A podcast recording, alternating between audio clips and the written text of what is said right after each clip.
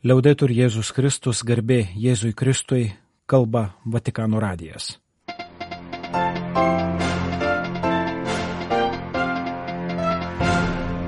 Malonus klausytojai šioje programoje. Vasario 16 dienos šventė Romoje. Popiežiaus audiencija Neapolio biskupijos seminaristams ir žinia Tarptautinio žemės ūkio plėtros fondo renginiui. Didysis arkivyskupas Šepčiukas karo nusikaltimai Ukrainoje turi būti pasmerkti. Airijos, Škotijos, Lenkijos parapijos meldėsi už išnaudojimo aukas. Vasario 16 dienos šventė paminėta ir Romoje švenčiausiojo Jėzaus vardo bažnyčioje, dalyvaujant dideliam jungtiniam chorui iš Lietuvos ir artimiausiam popiežiaus bendradarbiai popiežiaus valstybės sekretoriui kardinolui Pietro Parulinui. Minėjimas surinktas dviejų Romoje įsikūrusių diplomatinių atstovybių Lietuvos Respublikos ambasados Italijoje ir Lietuvos Respublikos ambasados prie Šventojo sosto ir Maltos ordinui. Prisimintas ne vien Lietuvos valstybingumo atkūrimas, bet ir diplomatų lozoraičių šeimai skirti metai Priminame, jog Kazys Lozoraitis prieš tapdamas Lietuvos ambasadoriumi prie Šventojo sosto ilgai darbavusi Vatikano radio redakcijoje lietuvių kalba.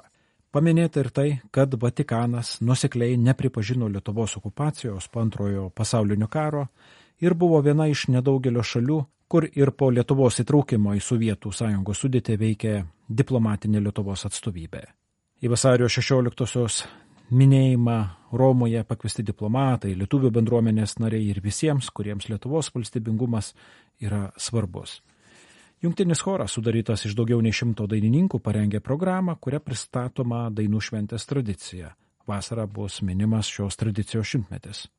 Kitoje laidoje pristatysime kardinolo Pietro Parulino pasakytą humiliją.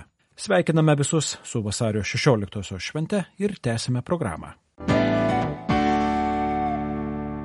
Dvasininkų ir seminaristų formacija niekada nesibaigia, ji tęsiasi visą gyvenimą, o jei nutrūksta, nestovi vietoje, bet ima žengti atgal.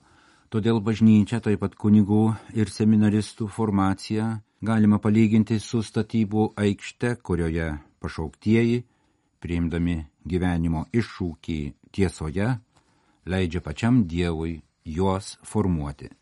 Popiežius Pranciškus audiencijoje penktadienį Neapolio arkivyskupijos kunigų seminarijos bendruomeniai, kurią sudaro vyskupai, kunigai, seminaristai, vienuolis ir sutuoktinių poros, įteiktame nepasakytos kalbos tekste patikino, kad jam bažnyčios kaip statybų aikštės įvaizdis yra labai mielas.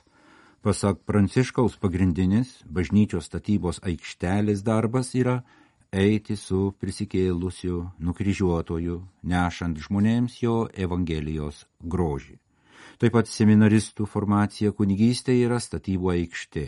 Pranciškus prašė seminaristų nebijoti leisti viešpačiui dirbti savo darbą jų gyvenime. Taip kaip būna statybų aikštėse, atėjusi šventoji dvasia pirma sugriaus visus tuos aspektus, kurie kliudo jums aukti pagal Evangeliją nuvaliusi vidinę melagystę, jis suteiks jums naują širdį ir statys jūsų gyvenimą pagal Jėzaus stilių. Jūs padarys naujais kūriniais ir mokiniais misionieriais, pažymėjo popiežius.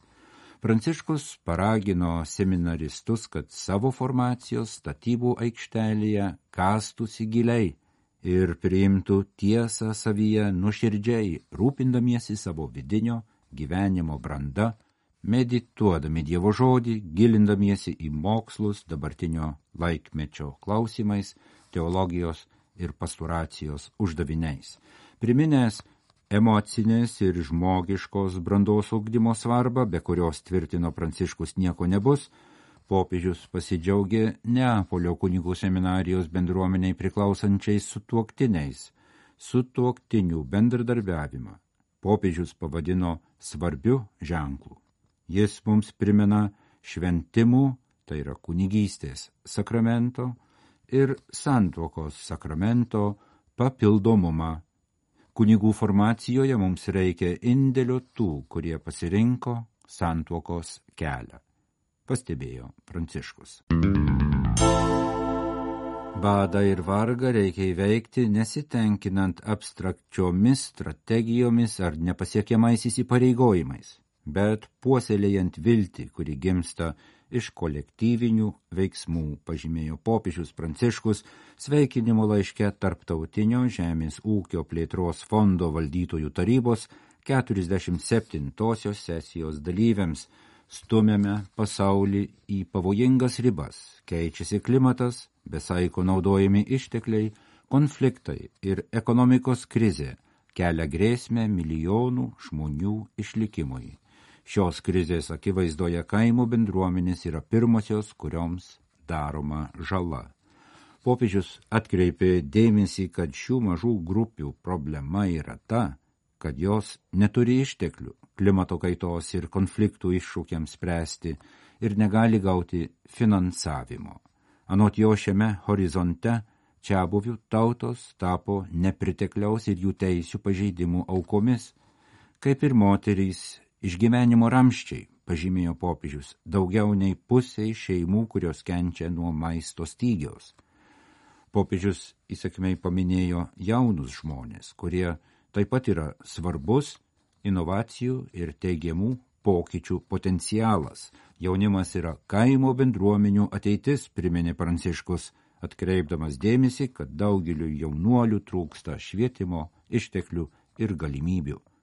Pakvietęs Tarptautinio žemės ūkio plėtros fondo valdytojų taryba bendradarbiauti dėl įtraukesnės žemės ūkio ir maisto sistemos sukūrimo, Pranciškus reiškia vilti, kad prie to prisidės taip pat mokslinių tyrimų ir technologijų programos skatinančios tvarų ir aplinką tausojantį žemės ūkį.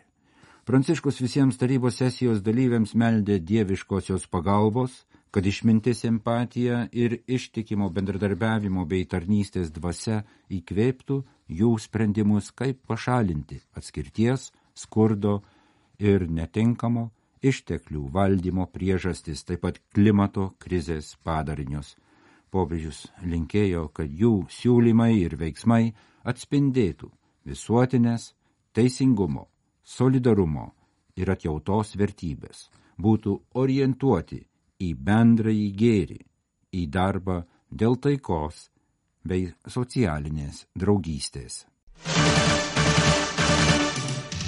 Ukrainos graikų katalikų bažnyčios didysis arkivyskupas Svetoslavas Ševčiukas kartu su apaštališkuoju nuncijumi Ukrainoje arkivyskupu Visvaldu Kulboku, kalbėdamas fondo pagalba vargstančiai bažnyčiai konferencijoje, pabrėžė, kad karo nusikaltimai turi būti pasmerkti. Vasario 24 dieną bus minimos antrosios karo Ukrainoje metinės. 2022-aisiais Rusijai įsiveržus į kaimininę šalį, žuvusių skaičius toliau auga, plečiasi naikinimo mastas, konfliktui besitęsiant jau dešimt metų Rusijai aneksavus Krymą. Popiežius Pranciškus nekarta kreipėsi ragindamas nutraukti smurtą ir žmonių kančias.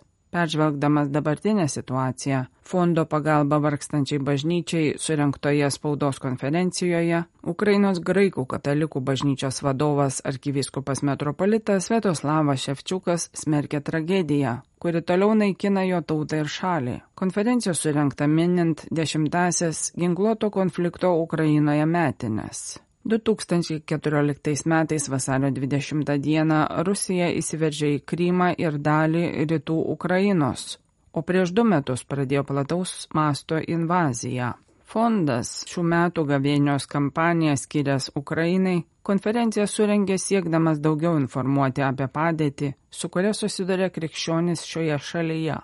Neoficialiais agentūrų vertinimais per dviejus metus karių aukų skaičius išaugo iki pusės milijono. Beveik 22 tūkstančiai civilių nukentėjo per mūšius ir oro anskridžius, o daugiau nei 17,5 milijonų ukrainiečių labai reikia humanitarnės pagalbos. Apie 6,2 milijonai žmonių pabėgo iš Ukrainos, daugiau kaip 5 milijonai priversti palikti savo namus, nes bombardavimai tęsiasi kiekvieną dieną. Per konferenciją didysis arkivyskupas Svetoslavas Ševčiukas pabrėžė, kad labai svarbu pasmerkti karo nusikaltimus. Jis priminė žudynės bučioje, įspėdamas, kad jei jos liks nepastebėtos, karo nusikaltimai bus kartojami visame pasaulyje. Pasak arkivyskupo, šis pasmerkimas reiškia tvirtą ne karui. Ukrainos graikų katalikų bažnyčios vadovas tęsė, kad žmonės Ukrainoje žudomi todėl, kad yra ukrainiečiai. Jis ypač apgailestavo, kad žūsta vaikai ir šeimos ir priminė, kad nuo karo pradžios žuvo daugiau kaip 500 vaikų, daugiau kaip 1200 buvo sužeisti. Taip pat arkivyskupas paminėjo, kad daugybė ukrainiečių vaikų buvo deportuoti į Rusiją, daugybė šeimų buvo išskirtos.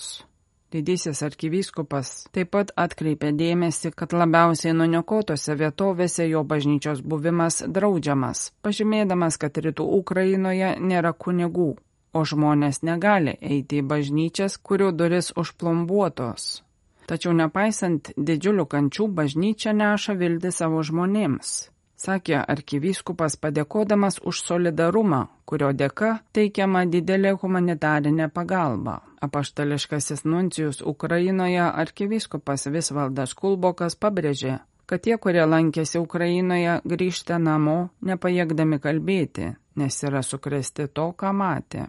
Jis perspėjo dėl švietimo krizės šalyje, pabrėždamas, kad jau ketverius metus didelėje šalies teritorijoje iš pradžių dėl pandemijos, o paskui ir invazijos nebėra mokyklų. Arkivyskupas Visvaldas Kulbokas akcentavo svarbų humanitarinių organizacijų indėlį, tačiau apgailestavo, kad mažesnės labdaros organizacijos nutraukė pagalbos teikimą, nes joms dažnai pritrūkdavo lėšų ir kildavo problemų kertant sienas ar pristatant atsargas.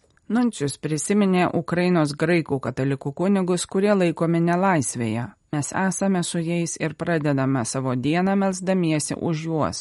Junktinių tautų žmogaus teisų stebėjimo misijos duomenimis 2024 m. sausio mėnesį Ukrainoje žuvo arba buvo sužeistas mažiausiai 641 civilis gyventojas, o nuo 2023 gruodžio mėnesio stebima civilių gyventojų aukų didėjimo tendencija. Junktinių tautų tyrimų statistika rodo, kad civilių aukų skaičius sausio mėnesį buvo 37 procentais didesnis nei praėjusiu metu lapkritį, daugiausia dėl suintensyvėjusių Rusijos ginkluotojų pajėgų atakų. Per šiuos išpolius padaugėjo žuvusių ir sužeistų vaikų. Šeimos taip pat sudaro nemažą nukentėjusiųjų toli nuo fronto linijos dalį, nes daug šeimų su vaikais buvo evakuotos iš fronto linijoje gyvenančių bendruomenių. Per dviejus metus nuo invazijos pradžios pagalbos kenčiančiai bažnyčiai fondas patvirtino 630 projektų. Dėka fondo geradarių dosnumo, maldų ir aukų tiek 2022, tiek 2023 Ukraina buvo labiausiai fondo remiama šalis visame pasaulyje. 2016 metais popiežius Pranciškus kreipėsi visas viskupų konferencijas pasaulyje ir paprašė vieną liturginių metų dieną skirti ypatingai maldai už nepilnamečių seksualinių išnaudojimų bažnytinėje aplinkoje aukas. Tokios maldos reikia aukų ir visos bendruomenės gydimui. Kai kurie kraštai tokiai maldai pasirinko pirmąjį gavėnios penktadienį - Airija, Škotija, Lenkija. Daug bažnyčių Europoje šią dieną mini lapkričio mėnesį. Škotijos katalikų viskupų konferencija visoms parapijoms pasiūlė maldos dienai pirmąjį gavėnius penktadienį parengtą liturginę medžiagą, kurią galima įterpti į šventųjų mišių liturgiją arba surenkti atskirą maldos susitikimą.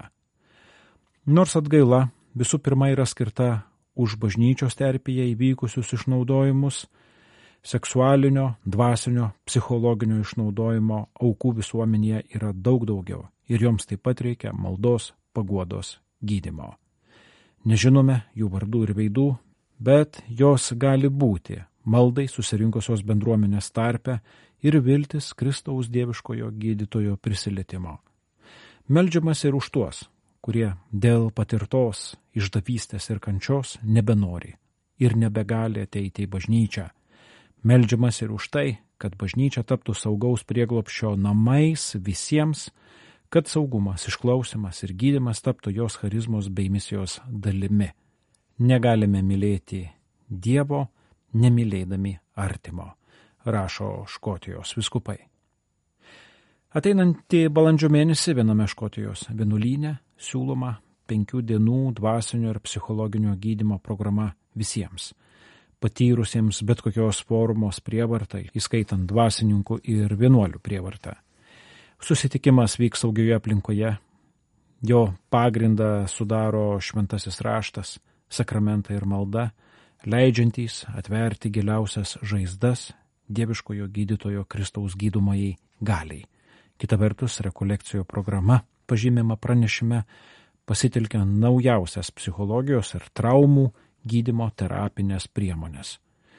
Žmogaus psichologijos mokslas integruojamas į krikščionišką požiūrį, į asmenį, kurio prasme ir orumas yra gilesni nei psichika, kuris yra kūno, proto ir dvasios visuma. Vasario 16 dieną Armos arkivyskupas Emonas Martinas, visos katalikų bažnyčios Airijoje primas, aukojo mišes Armos Šventojo Patriko katedroje, tokiu būdu paminėdamas nacionalinę maldos už išnaudojimų aukas dieną. Pastaroji surinkta antrą kartą. Airijos viskupų konferencija taip pat pasidalijo liturginių maldavimų pavyzdžiais, kuriuos galima įterpti į tikinčiųjų maldą mišių metu. Bažnyčios Airijoje vaikų apsaugos nacionalinė taryba jau patikė 2024 m. programą, kuria pratesiamas keliolika metų trunkantis prevencijos ir formacijos darbas. Taryba taip pat nurodė, kad jau gavo visų 26 Airijos viskupijų ataskaitas už 2023 metus, jos bus sudėtos į netolimoje ateityje skelbsimą nacionalinę ataskaitą. Malda ir solidarumas. Tokį akcentą šiemetiniai maldos dienai už seksualinio išnaudojimo aukas suteikė katalikų bažnyčia Lenkijoje. Lenkijos viskupų konferencijos delegatas vaikų ir jaunimo apsaugos klausimams yra Gniezno arkivyskupas Vojcekas Polakas, Lenkijos primas.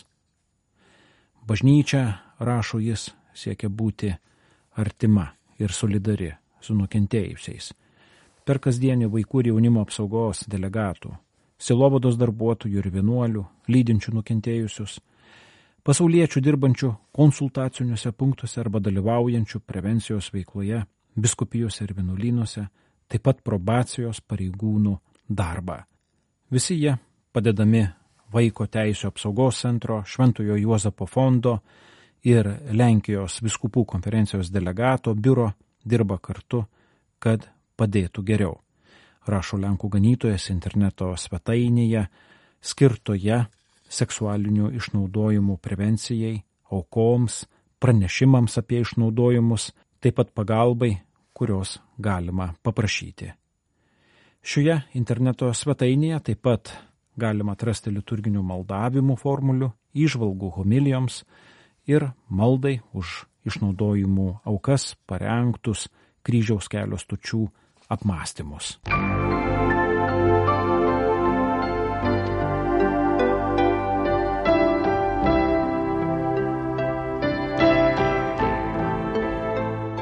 Malonus klausytojai laidą lietuvių kalbą baigiame. Kalba Vatikano radijas. Garbė Jėzui Kristui, liaudai turi Jėzus Kristus.